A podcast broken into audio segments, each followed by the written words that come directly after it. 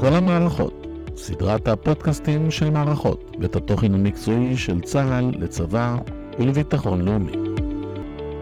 זה מוכר מהעולם, זה מוכר מההיסטוריה, זאת אומרת, אפשר ללכת אחורה אה, מאות ואלפי שנים, התווך התת-קרקעי תמיד היה קיים, ובני אדם ידעו אה, לנצל אותו לצורכיהם, כולל הצרכים הצבאיים. היה אלוף משנה במילואים דוקטור שאול שי, מהמכון למדיניות נגד טרור באוניברסיטת רייכמן. אתם מאזינים לכל המערכות, סדרת הפודקאסטים של מערכות, כאן דוקטור אמיר גלעד, והיום נדבר על התווך התת-קרקעי ברצועת עזה. תחילה, הנה ההיסטוריה שלו.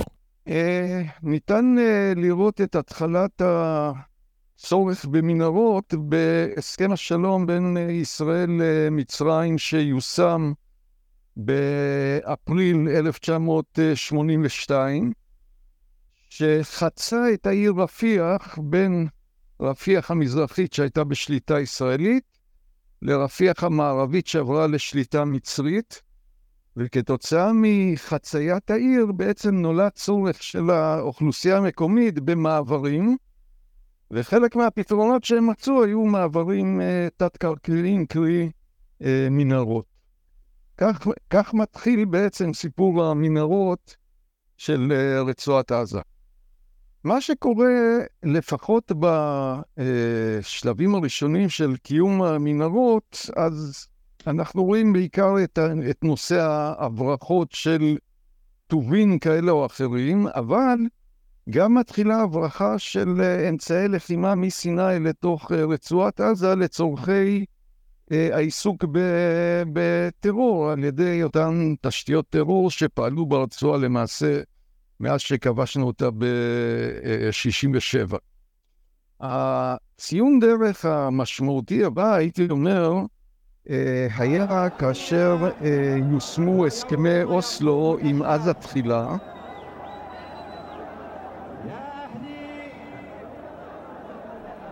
שבה בעצם אה, רוב שטח רצועת עזה הועבר לשליטה מנהלית וביטחונית של הרשות הפלסטינית, עם כוחות של הרשות שנכנסו פנימה לרצועה. כאשר משיקולי אה, ביטחון, מדינת ישראל, על פי ההסכמים, שעלתה על מה שנקרא ציר פילדלפי, אותו כביש בעצם שהולך מהים ברפיח ועד אה, בואכה אה, אילת, אבל אנחנו מת, מתייחסים כמובן לחלק הצפוני. והרעיון בקיום של הרצועה הזאת, שהייתה מאוד אה, קשה מבחינה צבאית, כי זו רצועה ברוחב של בערך 400-500 מטר, כשממערב זה גדר הגבול עם, עם מצרים וממזרח הרשות הפלסטינית. ובעצם הרצון היה להפריד בין שני המרחבים האלה, וכמובן גם למנוע נושא של הברחות אה, אמצעי לחימה בעיקר.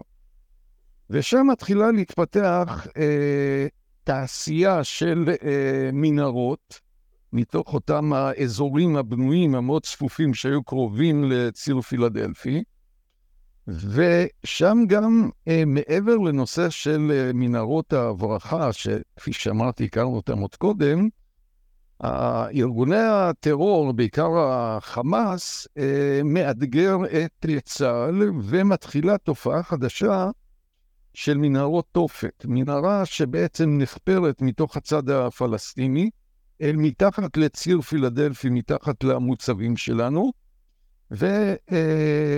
ודוחפים מתחת למוצב כמות גדולה של חומר נפץ, ומפוצצים אותה. היו לנו שתי דוגמאות כאלה. אחד זה מה שנקרא בשעתו מוצב ה-TLV, והמוצב השני היה מוצב חרדון. בשני המקרים האלה פוצצו המוצ... המוצבים של צה"ל שלמעשה קרסו בעקבות הפיגועים, וזה איום חדש שהוא תולדה של אה, אותה תקופה של יישום אה, הסכמי אוסלו. הפיצוץ שראינו זה עכשיו, זה פיצוץ של השמדה של מנהרת תופת שהובילה מפאתי הצפוניים של בית לאהיה ועד ליישובי הדרום. השלב הבא, מבחינת ציוני דרך אה, היסטוריים, הייתי אומר, היה אה, עם ההתנתקות, בעצם בהתנתקות ההחלטה הייתה כדי לא להותיר שום ספק שישראל אינה צד עוד בשליטה ברצועת עזה, גם ציר פילדלפי אה, נעזב על ידי צה"ל, כך שבעצם המרחב הזה, שהיה אמור להיות איזשהו חיץ בין רצועת עזה למצרים, מפסיק להיות. והמנהרות מתחת לגדר הגבול בין הרצועה למצרים, אה, הולכות ומשגשגות גם לצורכי אה, הברכה, אבל מה שמטריד אותנו במיוחד, בעיקר לנושא של אה, הברחות של אמצעי לחימה. והשלב הבא שמחמיר עוד יותר את הבעיה, זה יוני 2007, כאשר חמאס משתלט על רצועת עזה, מסלק את הרשות הפלסטינית, ולמעשה לוקח את כל מערך המנהרות הצפוף והמורכב, והופך אותו לערוץ בשליטה מלאה של החמאס, כאשר חלקם משמשים ייעודית לנושאי הברחות האמל"ח, והמנהרות, נקרא לזה המסחריות, מפעילי המנהרות בעצם משלמים מיסים לשלטונות של החמאס ברצועת עזה. כן. אז אלה אה, אבני הדרך, אה, הייתי אומר, של התפתחות המנהרות בין סיני לבין רצועת עזה. השלב הבא הוא כמובן תחת שלטון החמאס ברצועה, בעצם החמאס מסתכל על התווך התת-קרקעי בצורה הרבה יותר אה, מקיפה, מעבר למנהרה כזו או אחרת, אלא כאיזשהו מענה אסטרטגי ליתרונות הברורים של צה"ל בהתמודדות אה, מול, ה, מול הארגון. כאשר למעשה העליונות האווירית של uh, ישראל מעל הרצועה, אחד האמצעים להתגונן מפניה זה לרדת עמוק אל מתחת לאדמה ולהגן על הנכסים של הארגון ועל פעיליו מתחת לפני השטח.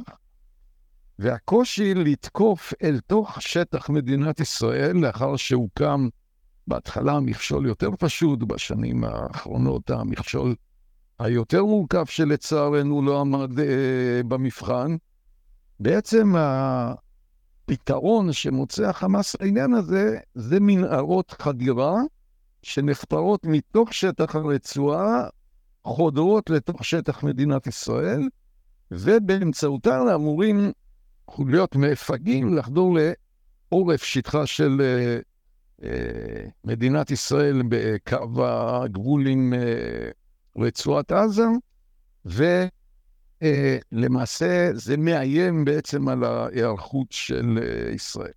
כן. השימוש הראשון האופרטיבי, לצערנו המוצלח מבחינת החמאס, היה האירוע של חטיפתו של אה, אה, גלעד שליט, שבו בעצם בוצע פשיקה על כוחות על אזור, החוליות חדרו דרך המנהרה, ולמעשה דרך המנהרה גם העבירו חזרה את גלעד שליט אה, אל תוך הרצועה. הותר לפרסום ששני חיילי צה"ל נהרגו בתקיפת המחבלים, חייל שלישי נחטף. הרעיון הזה הלך והתרחב, וכשאנחנו מגיעים לצוק איתן, בעצם אחד האיומים המרכזיים שאיתם צה"ל מתמודד, אלה מנהרות. החדירה שמאיימים גם על צה"ל, אבל גם מאיימים על יישובי עוטף עזה שחוששים מתקיפה על ידי אה, מחבלים שיבואו דרך המנהרות.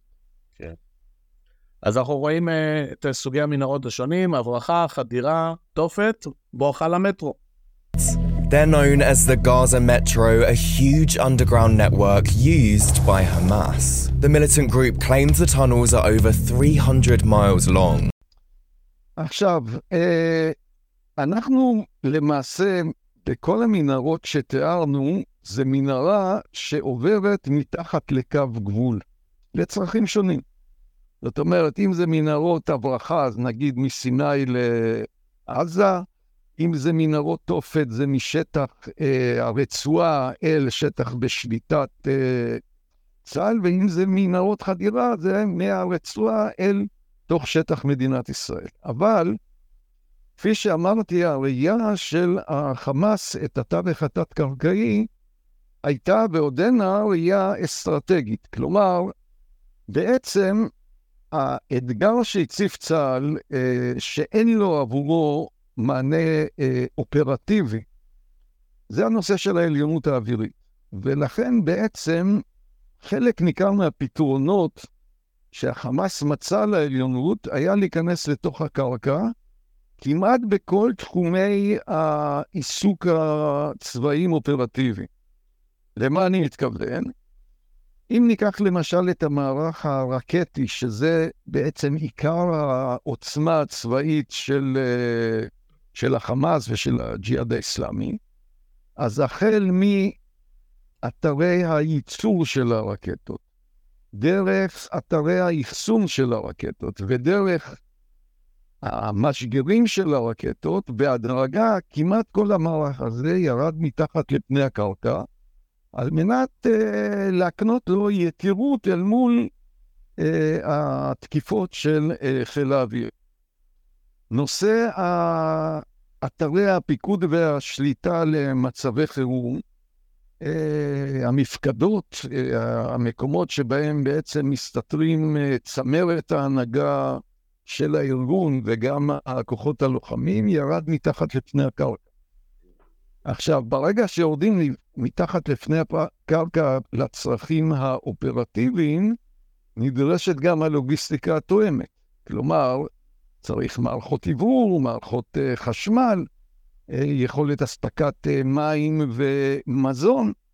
כלומר, בתהליך אבולוציוני למעשה, הייתי אומר בצורה תיאורית, שמתחת לעיר עזה, ולא רק, זאת אומרת, גם במקומות אחרים ברצועת עזה, נבנתה עיר תת-קרקעית, מה שזוכה אה, לכינוי המטרו של אה, עזה, שמכיל בתוכו את כל אותם הרכיבים אה, שתיארתי, כשלמעשה התשתית הבנויה שנמצאת מעל, שגרה בה אוכלוסייה אזרחית, וכמו שהציג דובר צה"ל למשל, את הנושא של בית החולים שיפא, שמתחתיו כנראה יש אה, את המרכז העיקרי התת-קרקעי של אה, מערכת הפיקוד השליטה של אה, החמאס, הם לכאורה נהנים מהגנת אתר שלהערכתם צה"ל לא יתקוף מסיבות הומניטריות, וזה מעניק להם חסינות מסוימת, שלפחות עד היום בכל הסבבים הם נהנו ממנה. The militant group claims the tunnels are over 300 miles long. That's the distance from London to Scotland. And in 2020, Israel's reported to have found one of the tunnels 70 meters deep.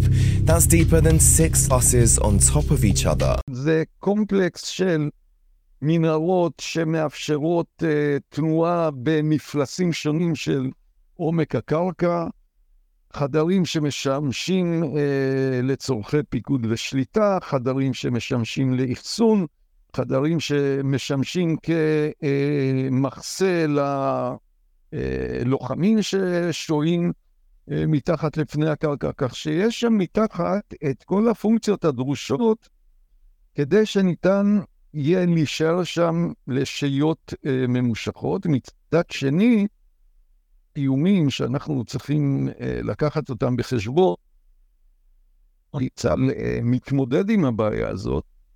למערכת המנהרות הזאת שסינואר אמר אה, אחרי אה, צוק איתן, צה"ל אמר שהוא השמיד 100 קילומטר מנהרות, אז הוא אמר, כן, אבל יש לנו 500. אז אה, יש המון מנהרות שבעצם ייעודן לצאת החוצה מתוך המערכת התת-קרקעית, זה בדרך כלל אל תוך מבנים או אל תוך אה, צמחייה סבוכה, כך שניתן לצאת אה, בצורה מוסתרת ופחות חשופה אה, לתצפיות ו- ולאוויר. ובעצם הקושי עם אה, התמודדות עם התשתית הזאת, מעבר לבעיה האובייקטיבית של איך משמידים את זה ואיך נלחמים בתוך קומפלקס כזה, שלמעשה כשהכוח נכנס לתוך מרחב כזה, אז בעצם קשה מאוד להגדיר קו חזית וקו עורף של הכוח, כי בעצם מחורים שונים בקרקע יכולים לצוץ אנשי החמאס שמסתתרים מתחת לקרקע ולתקוף את הכוח, לא רק מחזיתו, אלא גם אה, אה. כלומר, זה יוצר איזשהו מרחב לחימה מאוד אה, מיוחד, מאוד מורכב, שדורש את ההסתכלות ואת התרגולות ואת הפתרונות המבצעיים שיאפשרו התמודדות טובה עם זה. אז זהו, מה באמת האתגרים של צה"ל בהתמודדות עם אה, כל סוגיית התווך התת-קרקעי בעזה? אני חושב שצה"ל עובד בצורה מאוד שיטתית וסדורה. אחד הפתרונות המרכזיים זה אותם החימושים שאנחנו רואים את צה"ל משתמש בהם לאחר ש... פינה חלק גדול מהאוכלוסייה האזרחית, ואלה פצצות שיודעות אה, לחדור לעומק ולפגוע ב, אה, בתשתיות התת-קרקעיות. ואני מניח שככל שיתבצע החיכוך בשטח, המחבלים יצטרכו לצאת מתוך המערכת התת קרקעית ולהתמודד עם כוחות צה"ל, ועל ידי החיכוך הזה בעצם ניתן יהיה להגיע לפגיעות המשמעותיות אה, במחבלים עצמם, שבחלק גדול מהסבבים הקודמים, בעצם כשמסתכלים על מספר המחבלים שנפגע בסבב, הוא היה יחסית נמוך, מכיוון שהם העדיפו להימנע מחיכוך, או אם לא היה תמרון קרקעי, אז בעצם כל מה שנותר להם זה לשרוד את התקיפות האוויריות שהיו. אני חושב שהפעם צה"ל הולך בצורה הרבה יותר אה, שיטתית, עם רצון, כפי שהוכתב במטרות המלחמה של השמדת יכולותיו הצבאיות של החמאס, אז המשמעות היא כמובן השמדה של אותן יכולות שנמצאות גם אה, בתווך התת-קרקעי. ובנקודה הזו אנו מבקשים מדוקטור שי לזכור את הפעילות הצבאית בתוך התווך התת-קרקעי במקומות אחרים בעולם.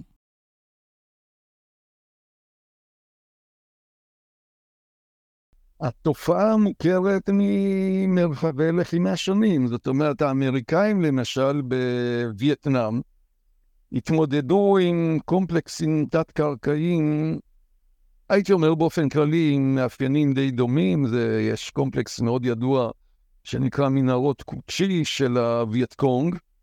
אה, מרחבים תת-קרקעיים התמודדו איתם האמריקאים, למשל במוסול או בעיראקה. ואם אתה רוצה, אפילו במלחמה באוקראינה, האוקראינים הצליחו לשרוד אה, מול הרוסים 80 יום בתוך אה, קומפלקס אה, מנהרות אה, תת-קרקעי, כך ש...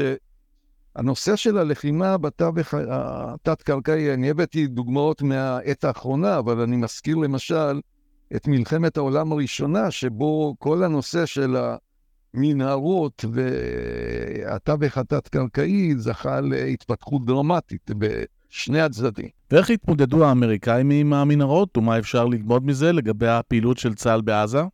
אני חושב שבווייטנאם אה, הם לא הצליחו, זאת אומרת, בעצם הם אה, נכשלו בהתמודדות הזאת. אבל אה, במוסול ובעראקה, בסופו של דבר, הם הצליחו ליצור את ההכרעה, רק צריך לזכור שזה לקח הרבה מאוד זמן. זאת אומרת, זה סוג של לחימה ש... אה, צריך לעשות אותה בזהירות רבה, בעיקר אם אנחנו רוצים אה, לחסוך בחיי אדם של אה, חיילינו, וכל דבר בזהירות ועד כמה שניתן עם המודיעין המקסימלי שניתן להשיג, ואז להשתמש באמצעים הטכנולוגיים וביכולות ההשמדה הרלוונטיות לפתרון כל בעיה ובעיה. בשטח, וזה כמובן לוקח זמן.